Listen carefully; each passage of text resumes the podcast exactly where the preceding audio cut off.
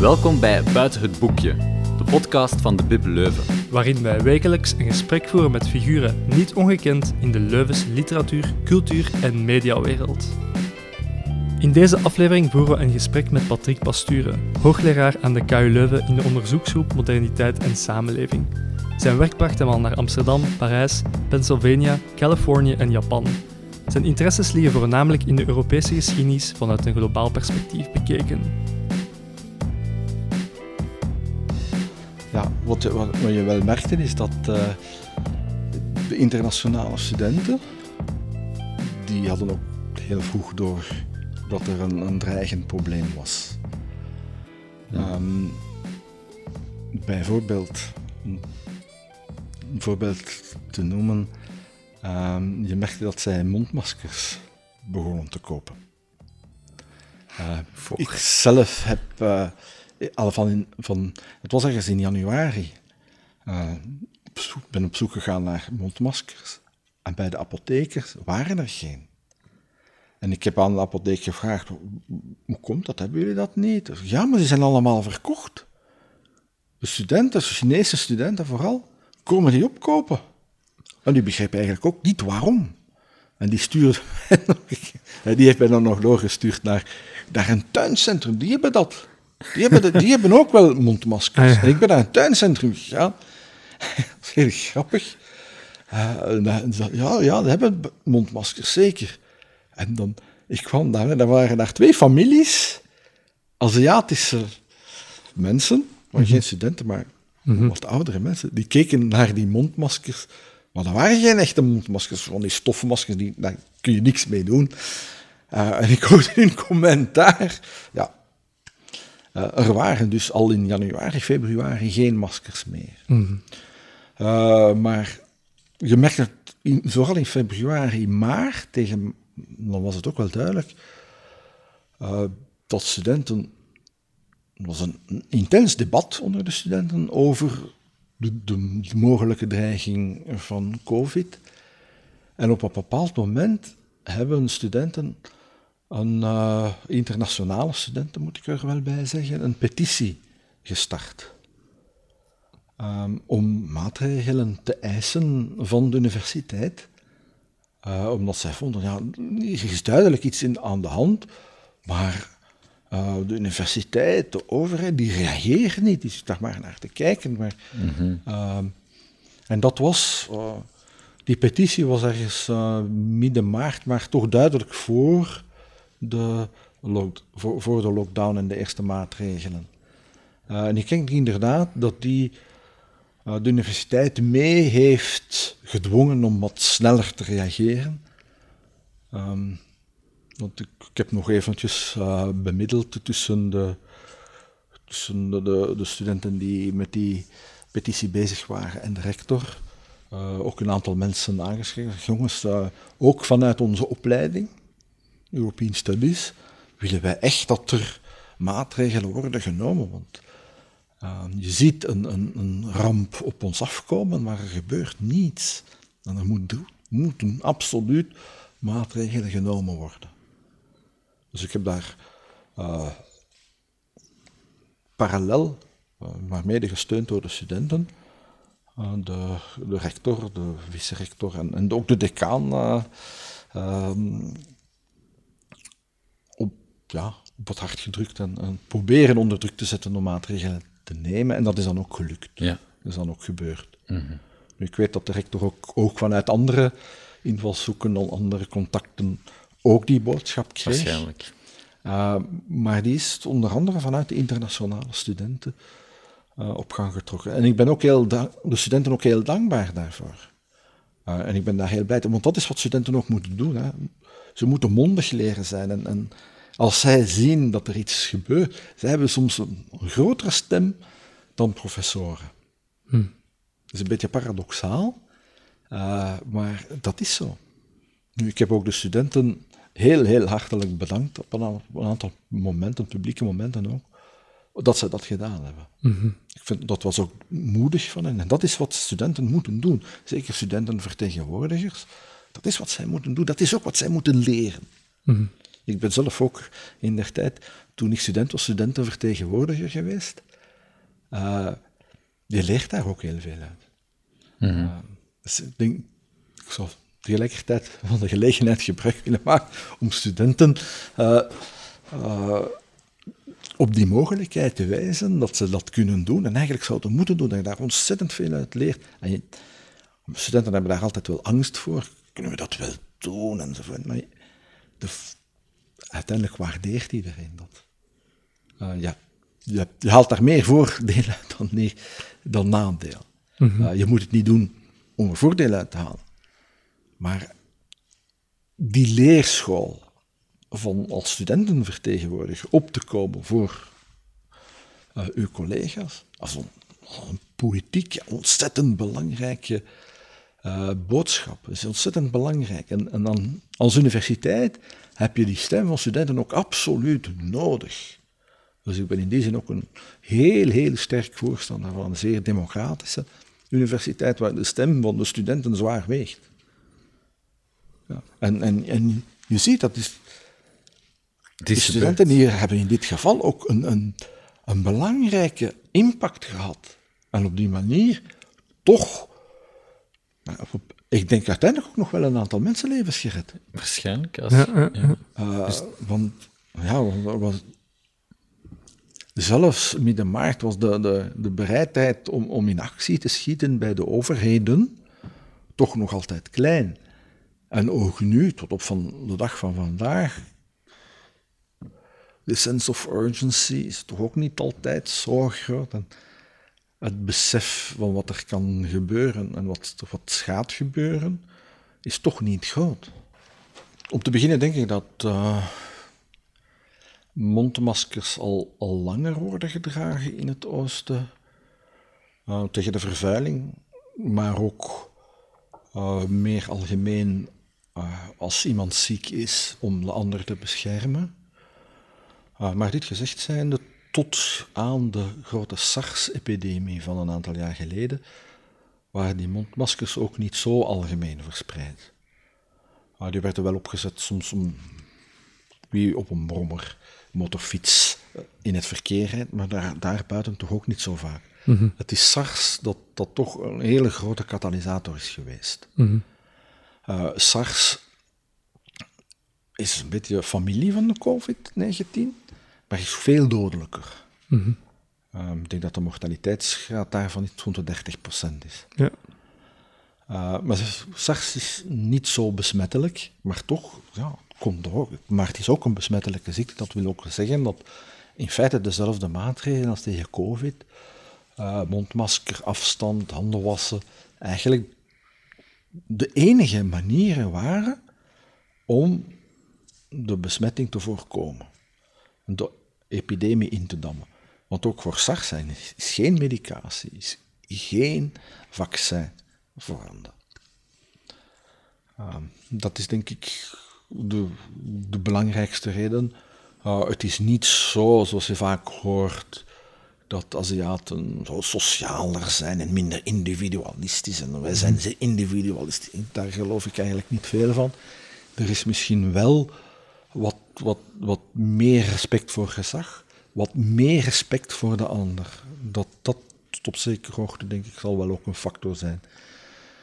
Um, het lijkt soms wel dat, dat de, het element van het beschermen van de anderen in, in een aantal Aziatische landen zwaarder weegt, hoewel ik daar ook wel redelijk sceptisch tegenover sta. Maar het is, het is echt ook moeilijk om, om, om dat te zeggen. Mm -hmm.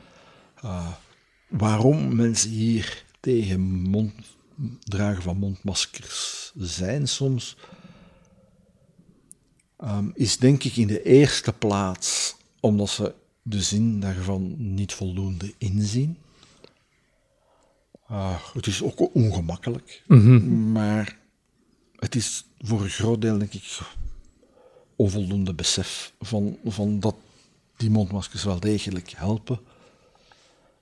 Um, in de VS is tot natuurlijk heel erg gepolitiseerd geraakt. Dat is hier wat min, minder, maar je, ziet dat toch ook wel een beetje. Je ziet ook voor een deel dezelfde argument, argumenten opduiken.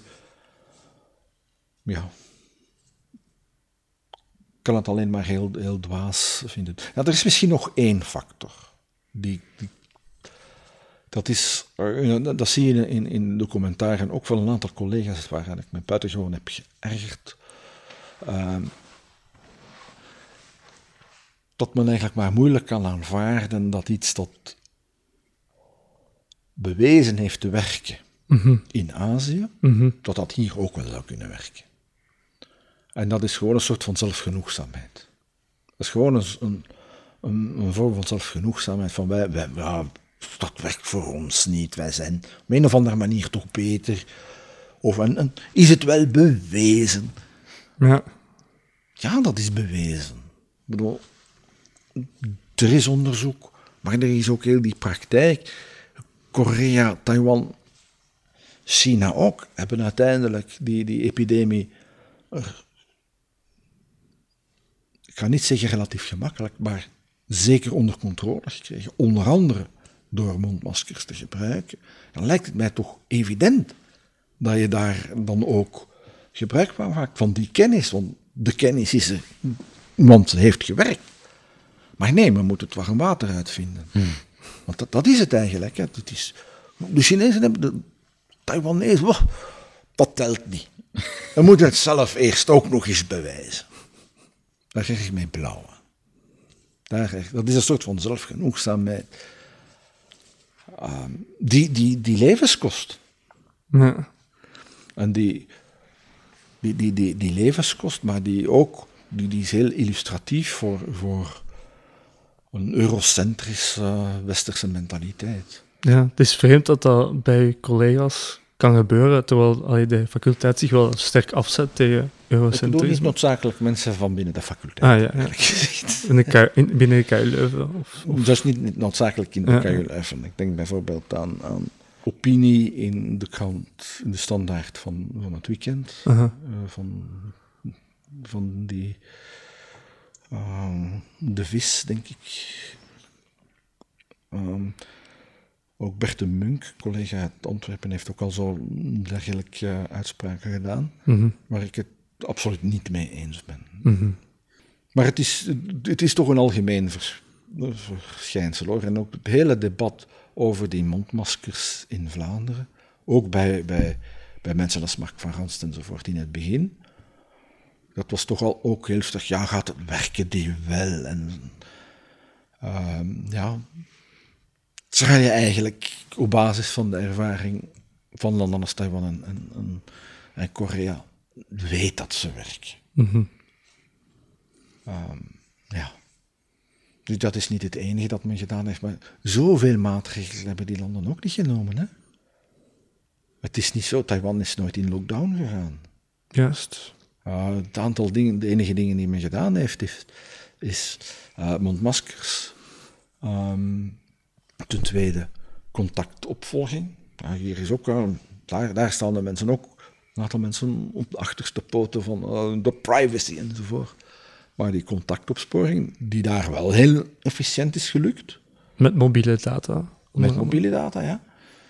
En ten derde, um, het strikt opvolgen van de quarantainemaatregelen. Dus mensen die besmet waren of die van, van elders kwamen, die werden dan effectief in quarantaine gezet. En die quarantaine werd ook opgevolgd. Dus niet zoals hier, ze gaat misschien wil u alsjeblieft thuis blijven, maar er is daarna geen enkele opvolging. Die, was, die is ook in Taiwan niet altijd goed opgevolgd geweest. Hè. Mm -hmm. bedoel, er zijn ook er zijn heel duidelijk problemen geweest. Uh, maar die mensen zijn wel zwaar, best, zwaar bestraft. Hè. De sancties zijn veel zwaarder dan hier. Uh, maar er is eigenlijk toch ook een stuk, een stuk burgerzin. Maar het zijn maar heel, heel elementaire maatregelen. Men had geen vaccin, men heeft daar ook, ook geen middelen uh, om, om, om, om de ziekte te bestrijden. Het is met heel eenvoudige dingen. Mm -hmm. Mm -hmm. maar, die, die, en, maar hier wordt daar bij, door een aantal mensen zo'n spel van gemaakt. Maar de prijs is hoog. Hè? Mm -hmm. hoeveel, hoeveel doden zijn er in, in, in, in, in België? Het is een van de landen die het zwaarst getroffen is. Waar de overlevingskans ook in het hospitaal tot de laagste ter wereld behoren. Ik denk toch dat je dan eens grondig moet nadenken over wat, wat, hoe komt dat? Ik denk dat je... En die vragen worden niet gesteld. Hè? Er is die discussie over mondmaskers, er is een zekere discussie over, over ehm, contactopsporing. Maar je gaat toch ook de vraag moeten stellen, hoe komt het dat de mortaliteitsgraad in onze ziekenhuizen zo hoog is? Hmm. En dat zijn vragen die je niet alleen maar mag stellen aan onze dokters in onze ziekenhuizen. Ik denk dat elke Taiwanese die naar een Leuvens of Belgisch ziekenhuis gaat, kan zeggen waarom dat de mortaliteitsgraad zo hoog ligt. Omdat men veel te laks is op het vlak van algemene hygiëne. Hmm. Ja. Kan wel kloppen. En dat is, dat is verbeterd, maar het is nog, nog altijd niet, niet op punt. Het is nog altijd niet op punt. Maar geen enkele van onze dokters zal dat hier zeggen, omdat we ervan overtuigd is dat een, alles... Dat is die zelfgenoegzaamheid die, die op alle niveaus in onze samenleving is in- ingebakken. Wij doen alles best. Hallo zeg. Ja. Hallo zeg. Nee, ja, de, de, de, cijfers zijn er. Hè. Dat nodigt toch uit tot, tot, tot een fundamentele reflectie. Eh, en, en, en die gebeurt er eigenlijk veel te weinig. Er zijn een aantal mensen. Hè, Koert de Buff heeft een heel mooie tekst geschreven daarover een aantal weken of maanden geleden. Uh, Steven van Hekken onlangs ook. Maar ja, dat is een debat dat nog altijd niet is gevoerd, nog niet, nog niet is begonnen. Het is misschien te vroeg om dat te doen, maar we gaan dat toch wel moeten doen, denk ik. Maar dat is nu toevallig heel, heel specifiek voor, voor, voor, voor België, uh, voor Vlaanderen ook heel specifiek. Maar het is toch ook een, een, een, algemeen, een algemeen probleem voor, voor Europa en in overtreffende mate voor de Verenigde Staten, waar de zaken totaal uit de, hand aan het lopen zijn. Um, maar dat roept toch, toch heel fundamentele vragen op. Het betekent ook wel dat ja, voor veel niet-Europeanen en niet-Amerikanen, niet-Westerlingen, het westers model heel, heel, heel erg beschadigd uit deze operatie komt. Mm. Um, dat hangt ook samen met andere factoren, uiteraard, maar het geblunder op alle niveaus, ook, ook, ook in Europa. Europa lijkt nu relatief goed te scoren in vergelijking met, met landen als Brazilië en de VS. Mhm. Mm -hmm. Maar in vergelijking met landen als Taiwan, uh, Korea, maar ook China. Hè? Mm -hmm. Ik, zeg graag, ik verwijs graag naar Taiwan en Korea, omdat zij wat vergelijkbaar zijn met België en omdat het democratieën zijn. Ja. Omdat het, je kan anders te gemakkelijk verwijzen naar, naar, ja. naar China als een totalitaire staat. En, en ja, maar dit soort lockdown, dat kunnen wij hier niet doen. Maar was niet, het is niet alleen maar die hele strikte lockdown die er in Wuhan is, uh, is, is doorgevoerd. Uiteindelijk hebben de Chinezen op, door verschillende maatregelen de epidemie onder controle gekregen. En dat heeft zeker niet alleen te maken met, met de efficiëntie tussen aanhalingstekens van het regime. Want in vele opzichten was dat ook niet efficiënt. Hè? Maar Korea en, en Taiwan wel. Vietnam ook. Hè? En heel verschillende landen in Zuidoost-Azië, niet allemaal, die met veel minder middelen uiteindelijk veel, veel, veel beter resultaat hebben gehaald. Mm -hmm. Ja, moet je daar toch ook openstaan dat, dat je daar wel iets van uh, zou kunnen leren. Uh, maar in plaats van zelfgenoegzaam zeggen wij doen alles beter en wij weten het en alles wat van elders komt, daar, daar gaan we nog eens. We moeten dat allemaal nog eens zelf bewijzen, ook anders stelt dat niet. Ehm, ik heb gelezen dat er misschien een rotatiesysteem ging zijn, van dat de helft van de studenten Ja, fysiek ja, les dat volgt is het- en dan de andere helft de dat andere is week. daar wel Ga- een voorbeeld van, ja. zijn jullie ook eh, aan het nadenken over zo'n systeem? Eh, ja, dat is eigenlijk al lang beslist. Hè. Ah, oké.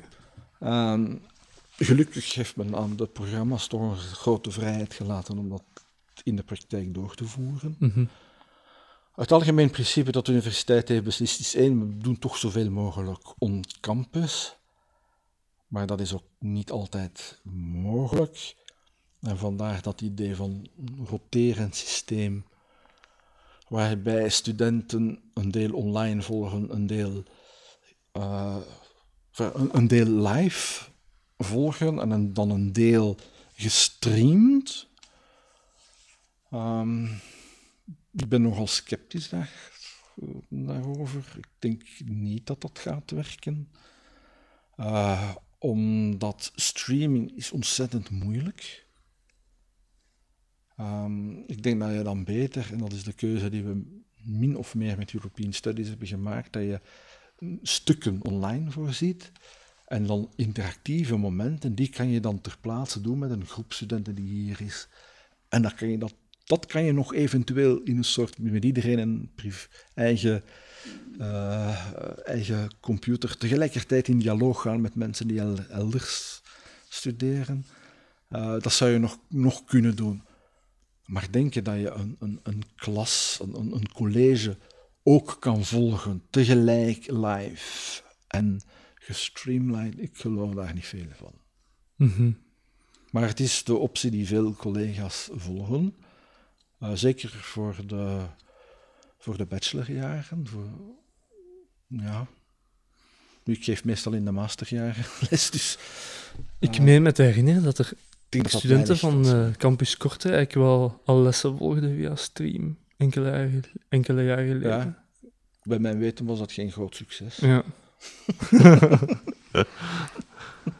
Maar het probleem, kijk, het, het hangt er allemaal vanaf hoe je dat organiseert, maar. Eh, als dat automatisch gebeurt, kan dat naar mijn gevoel nooit lukken. Als daar iemand is, een cameraman is die, die, die het college opneemt, die de, de docent volgt en, en dan de studenten, dan, dan kan dat misschien werken. Maar met vaste camera's, no way, Hm. no way.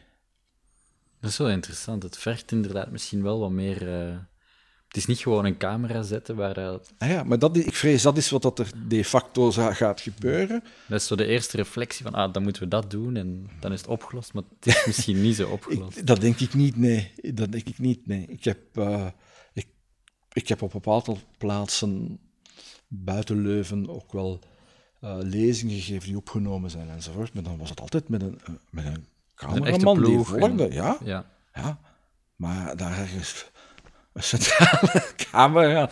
In een, je moet dat voorstellen in een grote aula. Bedoel, dan heb je daar een klein professortje die vooraan staat iets te vertellen en we wijzen naar, de- naar, naar, naar een PowerPoint-presentatie bijvoorbeeld, Ja. voor een, een half lege... Ideaal is het Aula. zeker niet. En dan de, en de studenten die dat gaan moeten volgen. Ik, ik zie dat eigenlijk gezegd niet goed, maar... Ja. En ik heb ook geen college waar ik dat ga doen. Voorlopig toch niet. Interculturele zou daarvoor in, in aanmerking komen. Maar eh, goed, dat zal in het tweede semester zijn. En eh zal daar wel een andere eh, oplossing voor vinden, denk ik. Dat is ook een vak van drie uur, hè? Is dat geen sessie van Dus drie, drie uur? uur, ja. Ja. Stevig ook, hè, om te streamen. Ik heb er al gehad, zo vier uur zelfs. Gestreamd. Twee tot zes. ja. Ja. Kijk, en lukte dat?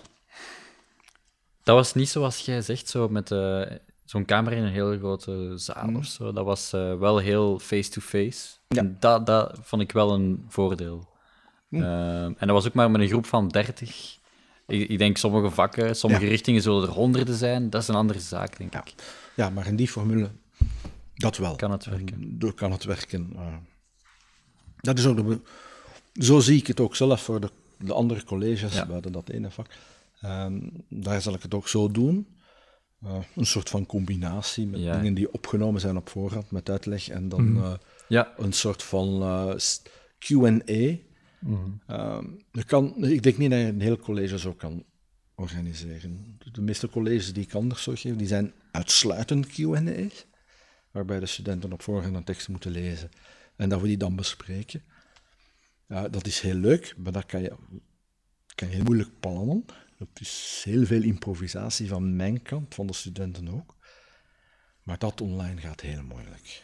Ik heb het een beetje geprobeerd, maar dat, dat gaat uiteindelijk niet. Maar dan is het dan een meer algemeen, simpelere vorm van een Q&A, waarbij de studenten vragen stellen en Maar die echte fysieke interactie ontbreekt dan waarschijnlijk. tot op, ja, een beetje wel misschien, als ik dat, dat, dat dan toch in een, in een eh, live omgeving kan doen voor een aantal studenten. Ja, zoals dat Ja. college dat jij besprak. Het probleem is dat we op dit ogenblik ook absoluut niet weten hoeveel mensen de facto hier zullen zijn en hoeveel gaan er dat online gaan vormen, gaan volgen. Dat weet je eigenlijk ook niet. Hè? We zitten midden in één groot experiment bijna. Ja, ik merk ook dat heel veel mensen daar heel veel moeite mee hebben. En dat vind ik op zich ook heel revelerend en heel problematisch. We zijn zo gewoon van alles te organiseren tot in het puntje. En, en elke stap die je zet, die moet verantwoord worden. Maar we zijn helemaal verleerd van in te spelen op veranderende omstandigheden. Flexibiliteit. Die flexibiliteit is, is, is weg. En dit is nu echt een, een, Een moment waar het moet. een moment waarbij het moet. Ja. En ik, ik zie toch veel, ik zie echt veel collega's ook die, die in, de, in een kramp schieten.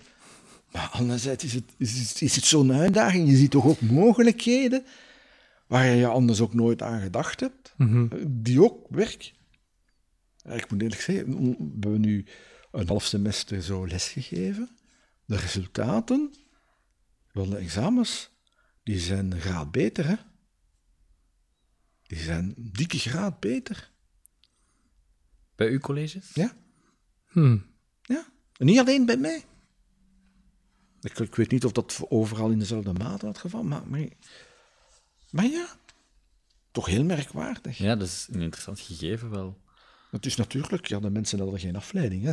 Ja, ja. Het sociale Ja, dat leven is weggevallen, dat speelt ook mee. En dat is heel jammer. Want het studentenleven, dat is ook het sociaal leven.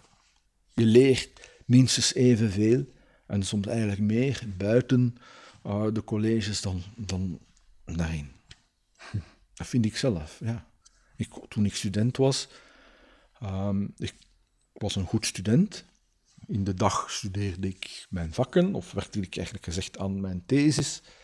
En, en s'avonds en het weekend deed ik allerlei andere dingen. U heeft geschiedenis Ik heb gestudeerd. geschiedenis En gestudeerd. van waar uw liefde voor geschiedenis eigenlijk?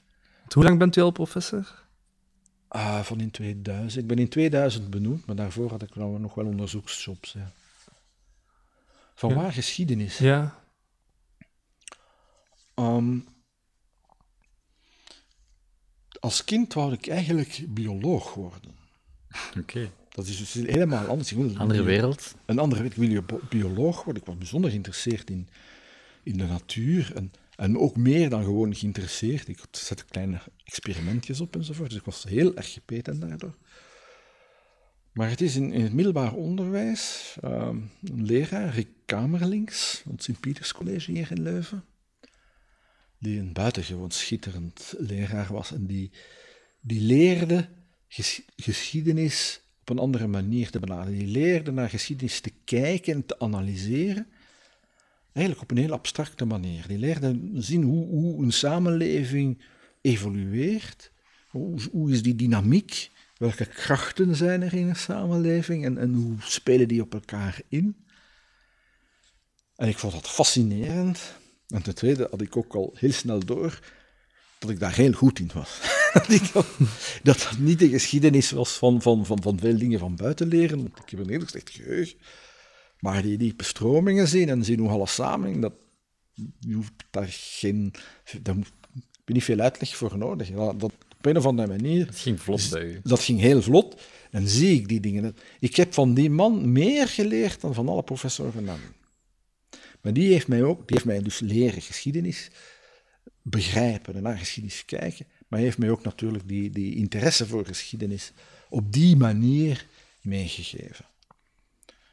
En dan, ja, ik ben wel niet rechtstreeks naar de universiteit gegaan. Ik heb eerst regentaat gestudeerd Mm. om leren, omdat ik echt leraar wou worden. Dat was uiteindelijk een verkeerde keuze, maar het was wel mijn keuze. Dus ik heb, ze dus, ik heb twee jaar, toen was dat twee jaar regentaat gestudeerd. En dan heb ik gezegd, ja, nu ga ik naar de universiteit, geschiedenis studeren. En vanaf de eerste dag wist ik, ja, dit is wat ik had moeten doen van bij het begin. Dit is mijn wereld. Hier voel ik mij als een vis in het water. Eh, en ik ben dan ook ja, Erin gebleven. erin gebleven. eh, maar wel geschiedenis. Ik heb een hele aparte benadering van geschiedenis. Het is toch wel anders dan de meeste andere collega's, omdat ik die geschiedenis veel abstracter bekijk. Mm. Eh, op een manier die veel dichter aansluit bij wat, wat eh, sociale wetenschappen soms doen. Eh, Ik ben ook altijd heel sterk geïnteresseerd geweest in interdisciplinaire geschiedenis. Ook als, als student, ik studeerde geschiedenis, maar deed er de facto een, een minor antropologie bij. Dus ik heb heel veel antropologische vakken gevolgd toen. En daar heb ik ook ontzettend veel geleerd.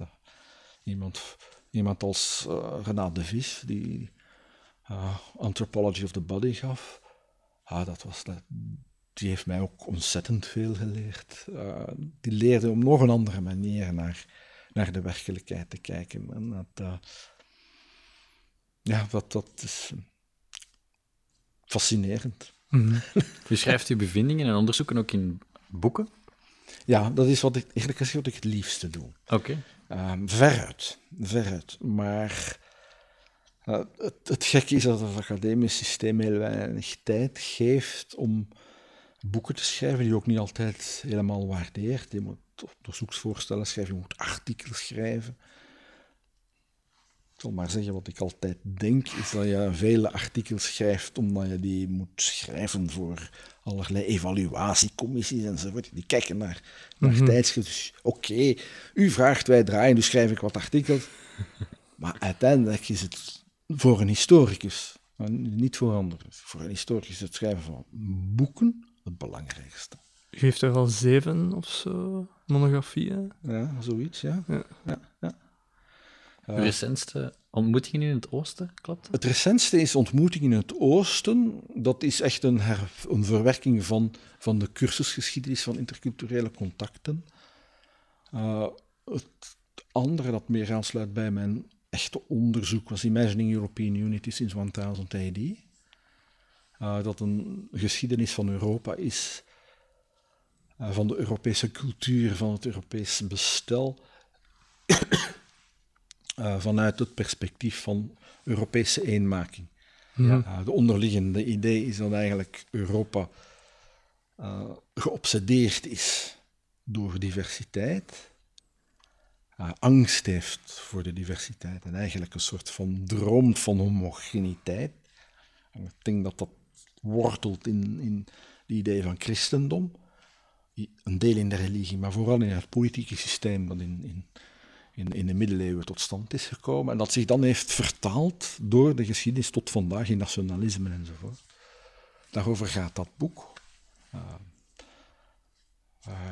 en dat zal ik nu in volgende publicaties ook verder uitwerken. Ik heb een, uh, een nieuw groot boekproject voor een Britse uitgever, Bloomsbury, voor een geschiedenis van christendom, waar ik dat precies verder ga uitdenken. Die ideeën van christendom, religieuze vrijheid, van de vroege middeleeuwen tot vandaag, Europa, Amerika, het Westen, en dan in een, in een globale context. Dus dat is voor de volgende jaren. Ik heb juist een contract afgesloten. Ik ben daar altijd heel, heel blij mee, want dat is altijd Proficiat. lastig. Ja, dat is altijd lastig, omdat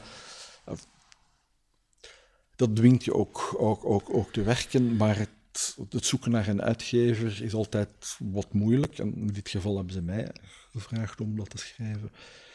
Uh, ben gecontacteerd voor het boek. Dus uh, ja. Heb... En je krijgt de grote vrijheid, en vijf jaar om een boek te schrijven, maar mm -hmm. dat wordt een, een dik boek. Hè. Dat wordt een boek van 500 bladzijden. Het is zo'n meesterwerk.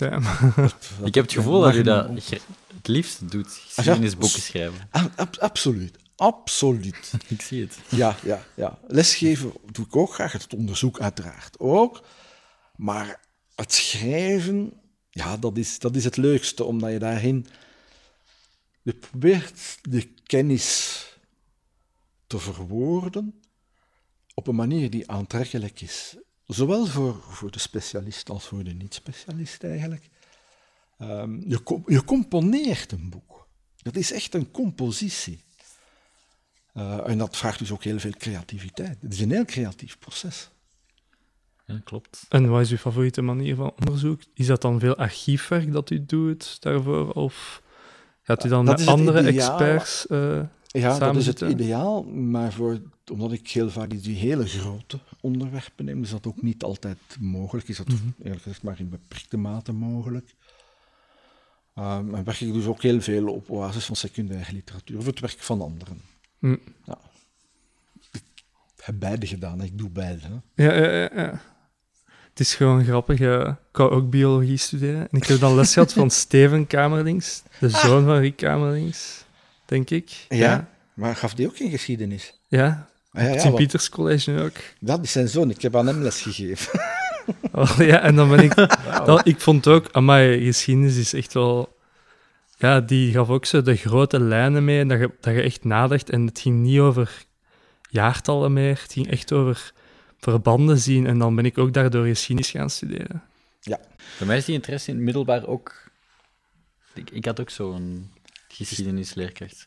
En um, ja, ik heb dat nu niet gestudeerd of gedaan zoals jullie, maar ook sindsdien is wel een groot interesse. Ja, je ziet maar de impact van een goede, van een goede leraar. Immens. Die is groot, ja. Die is immens, ja. ja absoluut, ja. Eigenlijk hebben die, vind ik, een verpletterende verantwoordelijkheid. en het hoort ook zo, want die kunnen echt ja. Um, ja, een heel grote impact hebben op mensen. Ja, ja, ja. Um, ja, en dan wou ik ook nog vragen, uw fascinatie voor het oosten... Ja. Hoe is dat, was dat voor uw vrouw, voor uw vrouw heeft leren kennen? Was u toen al geïnteresseerd in het oosten? Of um, is het door haar dat dat, is, dat, dat er is bijgekomen? Dat, is, dat is er bijgekomen. ik ga je vertellen hoe dat we aan die, eigenlijk aan, aan, aan die cursus geschiedenis van interculturele contacten zijn gekomen. Ik was vast pas benoemd, mm -hmm. uh, eigenlijk als onderzoeksprofessor, mm -hmm. met heel weinig ik had dus geen pakket college dat ik moest overnemen van een andere collega. Dus ik moest dus iets creëren. Mm uh, nu was ik pleitbezorger samen met Johan Verbergmoes van wereldgeschiedenis.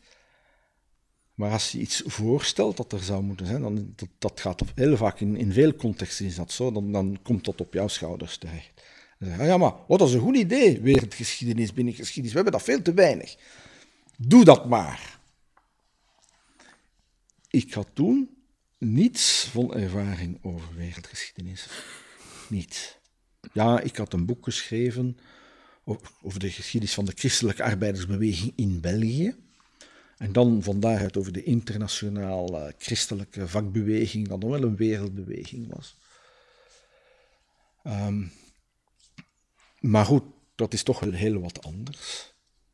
Uh, ik heb toen met, met Johan Verbergmoes, want dat viel dan op ons, gebrainstormd. En hij werkte toen over Latijns-Amerika. En hij zegt, ja, dan is het logisch dat jij over Latijns-Amerika gaat, gaat iets doen. En ik zal dan maar iets doen over Azië. En ik heb mij gewoon op de Aziatische geschiedenis gestort. Ik heb ontzettend veel gelezen. En het volgende jaar moest, eigenlijk na een aantal maanden, moest die cursus er zijn. Die, die cursus is er pas na, na 15, 20 jaar uiteindelijk als cursus gekomen. Maar uh, ik heb dan wel echt. Um, uh, je kan dat soort een soort van passie noemen, ontwikkeld voor die, voor die Aziatische geschiedenis. Voor heel snel van bij het begin gericht op een nieuw concept. Dat was dat van culturele uitwisselingen. We wilden geen gewone wereldgeschiedenis geven, dat was veel, mm -hmm. veel te saai. Maar het concept van culturele uitwisseling, dat toen nieuw was, maar dat betekent ook dat we moesten daar, daar rond, rondwerken. Uh, centraal begrip daarin waren routes. Oké, okay, de zijderoute. En dus vandaar die zijderoute Ehm, en, en, de Indische Oceaan, dat zijn van in het begin zo'n beetje de twee thema's geworden waar ik ging rond werken voor, om, om dat te kunnen doseren. Mm nu vond ik ook wel heel snel dat je, ja, je kan over interculturele interacties werken, maar je moet je toch, je kan dat alleen maar doen als je een redelijk goede kennis hebt van die verschillende beschavingen. Mm want anders heeft dat geen zin. Ik had een boek gelezen van Jeremy Bentley, die eigenlijk de, de grondlegger is van, van dit soort geschiedenis. Maar zegt, ja, dat, dat, dat is onmogelijk, dat, dat kan niemand volgen. En dus hebben we van daaruit een soort van aparte benadering ontwikkeld, waarin die, in, die combinaties van interculturele ontwikkelingen, relaties, die interacties, en een eh, introductie toch tot verschillende eh, samenlevingen, culturen, die in, in het boek Ontmoetingen in het Oosten nu uh, de leidraad of de, de, rode draad volgen, vormen van het onderzoek. Maar dus daar komt ja, de, de interesse specifiek voor Azië is eigenlijk het gevolg van het feit dat ik dat moest gaan doseren. Hmm. Uh, en van, vandaar dat ik ja, dan ook wel ben gaan reizen. Uh, vaak heb mijn echtgenote dan, dan ontmoet, hier in Leuven trouwens. Zij maakte een doctoraat in de geschiedenis. Zij had uh, Europese studies gestudeerd. Dus dat is een beetje grappig, want op die manier de cirkel rond is gekomen. Want ik ben daar dan later in dat programma directeur geworden. Uh, maar uh, ja, uh, natuurlijk door het feit dat wij samen zijn gekomen, dat heeft natuurlijk wel betekend dat ik mee, nog meer naar, naar het Verre Oosten ben op reis geweest, Zuid, Zuidoost-Azië ook. Um, maar die geschiedenis, de interesse voor, voor de wereld, die is er wel altijd geweest. En voor reizen is altijd geweest hoor. Ik ben uh, als kind, mijn ouders waren heel, ook mensen die graag reisden. Dat was, waren geen wereldreizen, dat was toen ik kind was naar Zwitserland en Oostenrijk. En dat ging dan wat verder, dan ging dat naar Spanje, dan ging dat naar Tunesië, dan ging dat naar Marokko.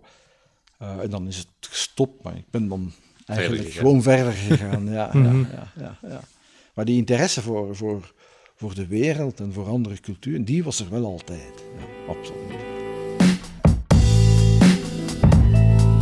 Volgende keer zitten we samen met Anneka Robijns, een jong opkomende illustrator en journalist met Kantonese roots.